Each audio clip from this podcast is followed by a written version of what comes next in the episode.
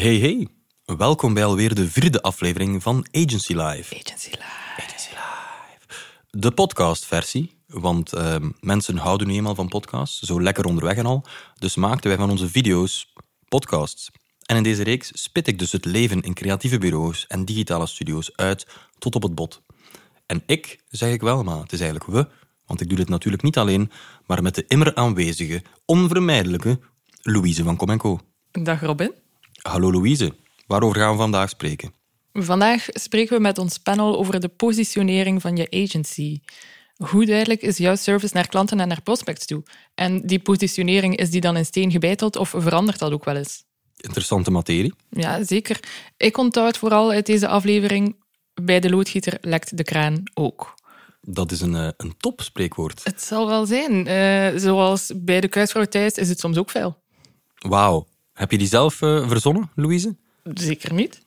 Oké, ik ga ook een keer... eh, de frituuruitbater eet niet elke dag frietjes. De zwembadbouwer zit niet de hele tijd in zijn zwembad. En zo kunnen we nog even doorgaan. Het komt er dus eigenlijk op neer, voor mensen die nog niet mee zijn. Wat wil dat nu zeggen, eh, de loodgieter en de kraan? Wel, onze agencies die zijn vaak druk bezig met de branding en de positionering van hun klanten en hebben daardoor geen tijd meer om met hun eigen positionering bezig te zijn. Aha, oké. Dat is enigszins herkenbaar voor mij, want ik, eh, ik werk bij Teamleader. Dus je zou kunnen denken dat ik een kei ben in work management. Maar eigenlijk ben ik op administratief vlak compleet onbeholpen. Ik eh, hou een oneindig aantal papiertjes bij met mijn kribbels. eh, die blijven rondslingen op mijn bureau. Tot ik ze ooit weggooi na zes maanden. Ehm, en meestal vallen ze gewoon naast de tafel. Dus ja, is dat een goed voorbeeld van hoe de kraan ook lekt bij de loodgieter? Ja, dat, dat is het helemaal. Maar weet je, er bestaan ook tablets waarop dat je kan schrijven met de hand en dan digitaliseert die tablet je notities. Dat is misschien wel iets voor jou.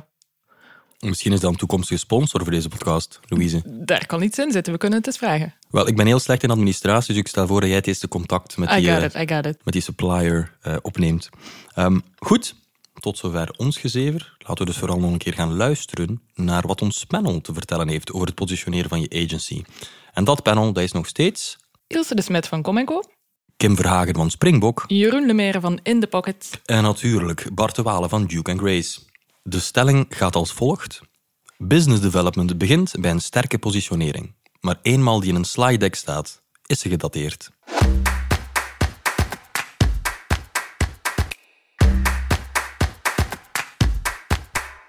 Vertel eens, waarom is eh, je positionering gedateerd eens dat je ze in een slide deck hebt gegooid? Eh, het is echt zo, want ik, als, ik, als bij ons mensen nieuw binnenkomen, dan de eerste dag dat die binnenkomen, geef ik de commerciële presentatie, zodat ze weten wat ik buitenshuis vertel en wat er daar binnenshuis achter zit. Ehm, en iedere keer als ik die presentatie geef, maar werkelijk iedere keer zeg ik, ze is wel, we zijn er eigenlijk aan aan het werken aan deze presentatie. Dus dat, die is nooit helemaal in lijn met wat dat er wat dat er gebeurt. Uw concurrenten veranderen van positie, jijzelf verandert van positie, klanten vragen andere dingen. Eh, de, de markt verandert. Je voelt ook dat je scoort op andere dingen. Dus iedere keer als je die presentatie aan het geven bent, leer je daar ook uit. En iedere keer denk je ook, oh, we moeten meer naar die kant of we moeten meer naar die kant. Of wij zitten toch meer op dit. Dus ja, positio- positionering is iets waar, dat je, waar dat je continu mee bezig bent. Dus nogal veel voortschrijdend inzicht dat, is- erbij komt kijken. Ja, ik denk eeuwig voortsch- voortschrijdend inzicht. Eeuwig, denk ik. Bart, eeuwig voortschrijdend inzicht in je positionering. Denk jij daar hetzelfde over? Ja, ja, en toch moet je iets, iets vastpakken en, eh, eh, en, en dat doorgeven aan je team. Eh, want je kunt ook niet elke dag wat er als, u, als ondernemer in je hoofd zit en, en elke dag, elke minuut evolueert, kun je ook niet elke dag doorgeven aan gans dat team. Dus je moet dat ergens, bevriezen.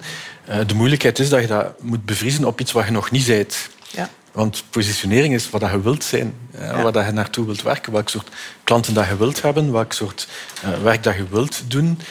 Anders blijf je vastzitten in, in, in de dingen die je al gedaan hebt, wat voor een groot deel belangrijk is, maar waar je wel constant wilt in evolueren.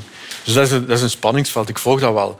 Ehm, je moet dat wel vastleggen eigenlijk naar je, sales team, naar je business development team en eigenlijk naar gans je bedrijf ehm, moet je heel goed eh, de materialen in handen geven, zodat ze allemaal hetzelfde zeggen. Eh, en dat betekent dat je het moet vastpakken. Eh, maar ik volg wel... eh, ehm, in mijn hoofd ben ik ook altijd drie jaar verder uh, en, en, constant. We zitten ook in een markt, in een sector die constant evolueert. Hè. Zowel jij als Ilse haalden al de eigen interne collega's aan. Dat is natuurlijk ook een belangrijk punt van positionering. Het verhaal dat je naar buiten brengt, maar ook wordt het intern gedragen. Um, Jeroen, hoe ervaar jij de positioneringskwestie van binnenuit naar buitenaf?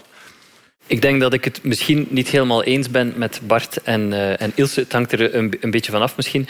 Uh, maar ik denk dat je positionering uh, in de markt, uh, dat, dat, dat die wel um, helder mag zijn, intern en extern. En ook, en ook onveranderlijk en toch, toch, een, een, minstens een paar jaar stand moet houden. Je krijgt een ander beeld van die positionering als je kijkt vaak intern in het bedrijf en je ziet dat teams en individuen bezig zijn met ja, nieuwe manieren van samenwerken met de klant, nieuwe diensten uh, te uh, bedenken, um, nieuwe technologieën te, te exploreren. Dan heb je het gevoel van alles is in flux en, en alles verandert. En het is heel moeilijk om dat vast te pinnen. Hè. Uh, en dat kan soms ook zich zijn, zijn, zijn weerklank hebben in, in eigenlijk de, de beelden die je wil gebruiken en de taal die je wil gebruiken naar, naar de buitenwereld toe. Dus ook daar kan het een beetje veranderen. Maar je positionering zelf, denk, ik denk dat je daar streng moet zijn en gewoon heel helder zeggen van kijk, dit is wat wij doen. Dit is het soort van waar dat wij leven naar de klant. En we doen dat vandaag, maar we doen dat binnen vijf jaar nog altijd. Ook al uh, kan er onder de, onder de motorkap in en uh, dat er, daar kan wel nog gesleuteld worden uh, natuurlijk. Het hangt misschien een beetje af van je definitie van positionering, maar ik denk dat jullie eigenlijk toch grotendeels nog hetzelfde zeggen. Namelijk, je bedrijf is continu in evolutie. Dus je hebt nooit één vaste positionering, maar jij zegt kies er dan eentje voor een aantal jaar die onveranderlijk blijft. En jij zegt je moet af en toe wel bevriezen want om, er, er werkbaar mee aan de slag te gaan. En dan denk ik is de zoektocht naar um, zit je positionering hoog genoeg uh, waardoor dat je die, die constante dagelijkse beweging van je bedrijf daaronder onder die vlag kunt, uh, uh, kunt laten zetten. Want ik ben het wel eens, naar de buitenwereld moet je daar ook een constante insteken. Dat gezegd zijnde, ik zei daarnet dat de marketingdirector om de drie jaar gemiddeld van job verandert onze markt verandert ook om de drie jaar uh, van, van, uh, van vraag naar agencies. En dat is misschien een verschil tussen een digital product studio en een, en een communicatiebureau, uh, waar dat wij constant op de hartslag van de cultuur aan het leven zijn. en en daar, daar ook in mee moeten gaan. Kim, hoe sta jij er tegenover? Ben je erg bezig met positionering van Springbok? Ja, we zijn nu een grote oefening aan het doen omdat we net een overname gedaan hebben. Dus we, we we moeten nu eigenlijk de twee bedrijven samenvoegen en goed gaan bepalen waar dat we moeten staan. En, en voor mij is dat wel een heel cruciale oefening. We gaan een heel scherpe positionering nodig hebben en dat moet de vlag zijn zowel voor de interne medewerkers die het gaan moeten uitdragen als, als extern. We moeten ergens voor staan en dat moet heel scherp gedefinieerd worden en ook voor de komende jaren de richting zijn. Want die bepaalt inderdaad een stukje de toekomstgerichte positionering. Maar dat wil zeggen dat je er vandaag aan moet bouwen. Wil je binnen drie jaar daar de vruchten van pakken en ergens scherpe positie hebben in de markt waar, waarvoor iedereen weet, oké, Springbok staat voor dat en dat en dat en dat. En dan denk ik wel dat je value proposition een stukje kan evolueren met de markt en, de tendensen. Maar eigenlijk die positionering, wie is Springbok, dat moet heel helder zijn. En hoe scherper het is, hoe makkelijker het gaat zijn, denk ik, dan om, om uh, nieuw bis aan te trekken. Want het gaat ook bepalen welk soort klanten je aantrekt, welk soort projecten. Uh, en, en, voor klanten gaat het ook makkelijker zijn om te weten, oké, ik heb dit soort project, ik moet bij die partij gaan. Uh, en en ik, ik, ik, ik ben ook schuldig aan een stukje uh, als ondernemer van ik, ik, ik wil graag veranderen en ik beweeg graag en, en ik zie dingen gebeuren. En dan moet ik mezelf wel intomen om niet te vaak te veranderen, want dan, dan gaat je niks opbouwen, denk ik, als positie. Je bekleedt natuurlijk uh, in de groep een unieke positie. Springbok, uh, Springbok, excuseer. Springbok is een groep. Je hebt verschillende units daaronder. Uh, ervaar je dat binnen die units, al die medewerkers, al die teams, allemaal goed weten waar Springbok voor staat? Als ik vandaag kijk, nee. Omdat de overname is net gebeurd. En dus, dus het gaat heel belangrijk zijn om er wel voor te zorgen dat iedereen goed weet wat de boodschap is die we uitdragen. En, en dat is waarom dat het echt belangrijk is dat dat iets is dat je ja, bij wijze van spreken, uh, ik kan het uitdragen, ik kan het verhaal vertellen, maar er zijn misschien nog twintig of dertig andere mensen die ook het verhaal elke dag moeten gaan vertellen. En, en daarachter dan nog eens een hele andere hoop mensen. Dus, uh, en als je dan niet helder bent, dan krijg je een vloe verhaal en iedereen geeft ook zijn eigen invulling aan. Ik denk dat Springbok staat voor dat of ik denk dat Springbok staat voor dat. En dan krijg je een diffuse boodschap naar de markt toe. Ja. Uh, is dat ook jullie in de groep, jullie definitie van positionering, waar dat je voor staat? Of is het complexer dan dat? Ilse, hoe definieer jij de positionering van Comenco? Het is zeker waar we voor staan. Het is een stuk wat is ons aanbod, maar het is ook een stuk hoe werken we samen met, met klanten. Dus het is, het is wel het geheel. Het is de what, de why en de how. Het, het is eh, het ganse, het ganse pakket. Uh, en een stukje cultuur zit daar zeker mee in. Dus het is wel breder dan het puur feitelijke. Uh, hoe heb je je positionering doorheen de jaren bij Comenco zelf zien evolueren? Als je dat kort kan samenvatten. Eigenlijk is Comenco traag opgestart. Hè. Ik, uh, ik ben uh, alleen begonnen uh, in een periode waarin ik ook jonge kinderen had. dus dan sowieso werd mijn ambitie wel een beetje geremd door het feit dat ik ook gewoon moest mm -hmm. mama zijn. En, en dus wij zijn eigenlijk traag gestart. En nu zijn wij, vind ik, vol een bak aan het groeien en aan het, aan gaan, zal ik maar zeggen. Um, en natuurlijk, de positionering de, en de aandacht voor positionering hangt daarmee samen. Als je met, met vijf bent, uh, heb je veel minder aandacht voor positionering dan als je met dertig bent. Dat, dat, verschil is gigantisch. Um, het is ook zo dat op het moment dat je... Uh, grote opdrachten wilt binnenrijven, dat je heel klaar moet kunnen zeggen waar staan wij voor.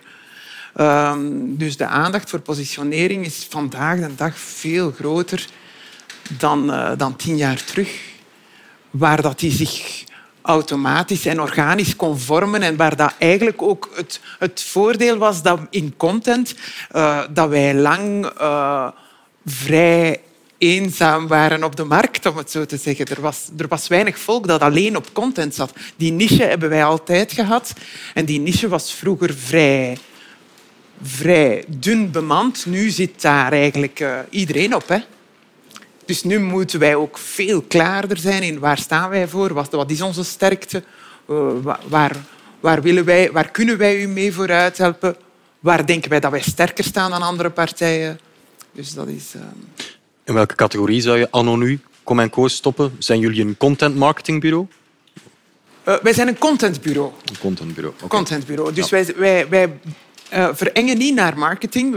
Content kan verder gaan dan marketing. Ja. Content kan naar image gaan en kan over employer branding gaan. Dus dat kan toch wel een stuk uh, verder gaan dan, dan puur het sales- en marketing idee. Dus wij zien onszelf als contentbureau. Oké. Okay. Um, Jeroen, als ik de vraag aan jou mag stellen. Uh, je noemde jezelf net, of je noemde in de pocket, een digital product studio.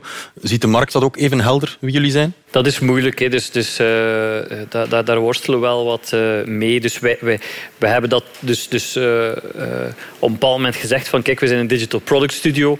Op een moment dat niemand echt goed wist wat dat, wat dat was. Wij hadden wel een duidelijk beeld van welk bedrijf wij waren en ook wilden zijn. En zagen ook duidelijke voorbeelden daarvan in de, in de Anglo-Saxische markt.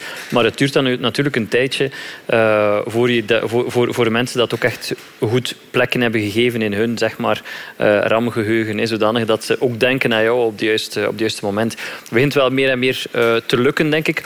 Ook omdat uh, bedrijven meer en meer, uh, gelukkig ook voor ons, meer en meer de, de, nood herkennen waar wij op willen antwoorden. Hè. Namelijk aan, we hebben, we hebben heel sterke software nodig in de vorm van apps of, of, of websites of platformen of, of API's enzovoort. En dat is, dat is, een, dat is een project uh, waarbij we gaan moeten nadenken over onze strategie en onze user en ook uh, natuurlijk de technologische kant uh, ervan. Dus um, hoe moet ik zeggen, ik, ik geloof enorm in het model van een digital product studio. We hebben niet de gemakkelijkste weg uh, gekozen uh, daar. Um, we, hebben ons een beetje willen, willen afzetten van um, bijvoorbeeld meer traditionele IT-bedrijven, uh, maar ook van meer marketing georiënteerde bedrijven, omdat, dat, omdat we voor ons echt zuiver op die product development wilden focussen. Um, maar het zal, nog, nog, het zal nog jaren duren, denk ik, voordat dat echt een brede ingang heeft gekregen, dat, dat begrip. Dus wat doen wij nu? Wij focussen op uh, eenvoud. Wij, wij, wij, wij, werken hard om zo eenvoudig mogelijk ons verhaal uh, te vertellen. Dat is gewoon uh, belangrijk. Maar als ik het goed begrijp, is een deel van jullie positionering, of hoe jij het ziet, ook duidelijk maken wat je vooral niet bent aan de markt. Ja, Ja, dat is vaak zo. En dat, dat, doe, dat, is vaak een gesprek dat we hebben met, uh, met klanten. Wat doen we allemaal niet? We doen geen bodyshopping bijvoorbeeld. Uh, dat, is, dat is eigenlijk in, in elk gesprek moeten we dat... Uh, elk gesprek met een nieuwe klant moeten we dat toch eens, nog eens gaan, gaan vertellen. Ja. Kim, ik ga hem een keer naar jou doorgeven ook. Um, Springbok doet veel. Um, heb je daar soms last van dat je positionering misschien niet altijd even duidelijk is voor iedereen? Ja, dat, dat is wat we inderdaad merken. Is als, je, als je breed gepositioneerd bent, dan wordt het soms lastig om uit te leggen oké, waar maken we nu het verschil? En ik denk dat ook de oefening die we nu aan het maken zijn is, kijk, we willen, uh, we willen een stuk een flexibel systeem hebben dat zich aanpast aan de klant, maar we willen wel diepe expertise in, in een aantal domeinen die we kiezen. En elk van die, die domeinen moeten op zichzelf kunnen staan en daar een heldere boodschap naar de markt kunnen brengen, maar het geheel moet ook ergens toegevoegde waarde hebben en werken. Ja zo'n positionering, is dat iets dat je zelf kiest of zelf bepaalt? Of is dat een wisselwerking tussen wat je zelf wil zijn, maar ook hoe dat je klanten en zo je, je vormen, denk ik? ik? Denk, voor onze oefening hebben we gekeken, oké, wat zijn de tendensen in de markt? Wat gebeurt er in de markt? Wat doen de concurrenten? Hoe positioneren zij zich? En dan zijn we vertrokken vanuit onze eigen sterktes, maar ook, de, ook zwaktes. En kijken, oké, tegen elkaar afzetten. Waar kunnen we het verschil maken en hoe kunnen we onze sterktes versterken en impact hebben op de markt die snel aan het veranderen is. En van daaruit zijn we ergens een stukje vorm aan het geven aan wat we willen, wat we willen zijn in de toekomst.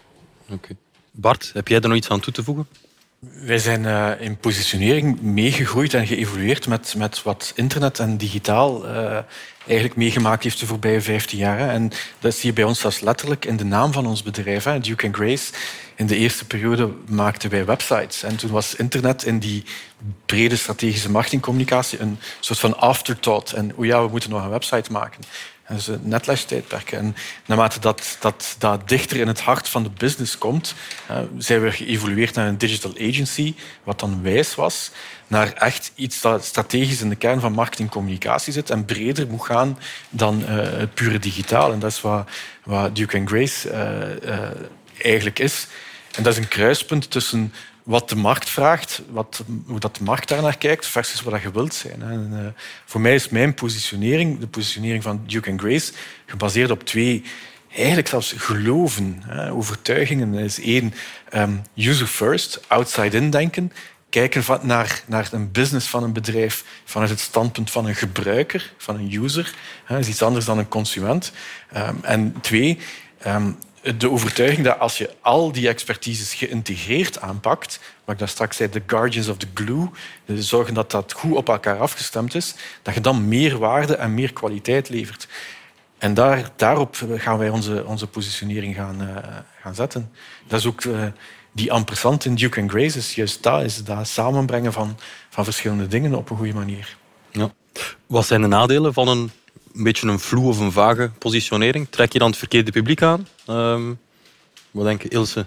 Ja, ik denk als je een vage positionering... Zowel intern als extern is dat, is dat een drama. Hè. Extern trek je de verkeerde klanten aan, denk ik. En intern uh, denkt iedereen dat je iets anders aan het doen bent. Dus uh, hoe zuiverder dat je die krijgt, hoe, hoe beter dat ook intern iedereen weet waar dat je naartoe aan het werken bent. Dus dat is... Uh, ja, ik denk uh, langs de twee kanten even belangrijk. Ja. Maar een goede interne kennis, een goede interne voeling van waar is ons merk, onze positionering, dat helpt wel bij alles wat je elke dag doet, dan, denk ik. Sowieso. In die zin is positionering ook iets waar dat wij met, veel volk mee bezig zijn. Dat is iets uh, waar, dat we, waar dat we echt aan samenwerken en waar, dat, waar dat niet alleen uh, ons sterkte in zit, maar ook wat dat we graag doen.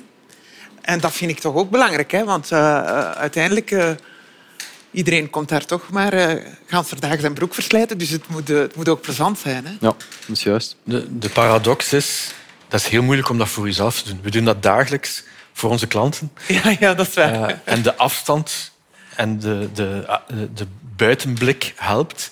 Als je dat voor jezelf moet doen, is dat, is dat super gigantisch lastig. moeilijk. Ja. Gigantisch moeilijk, dat is waar. Dat is waar.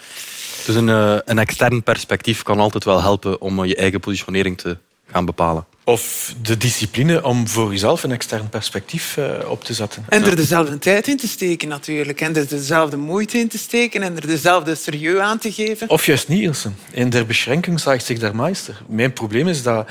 Um, voor onszelf is het nooit genoeg en nooit goed genoeg. Dus je blijft itereren en je landt niet. Terwijl voor een klant zit je afgebakend door de tijd en het budget. En dus je komt per definitie naar een eindpunt. Ehm, ik denk dat dat iets is waar, dat, waar dat wij mee worstelen. Oké. Dus uh, de conclusie is, positionering is erg belangrijk. Het is altijd een beetje in evolutie, maar zowel intern of extern werpt een goede positionering zijn uh, vruchten af. Um, bedankt voor die heldere input.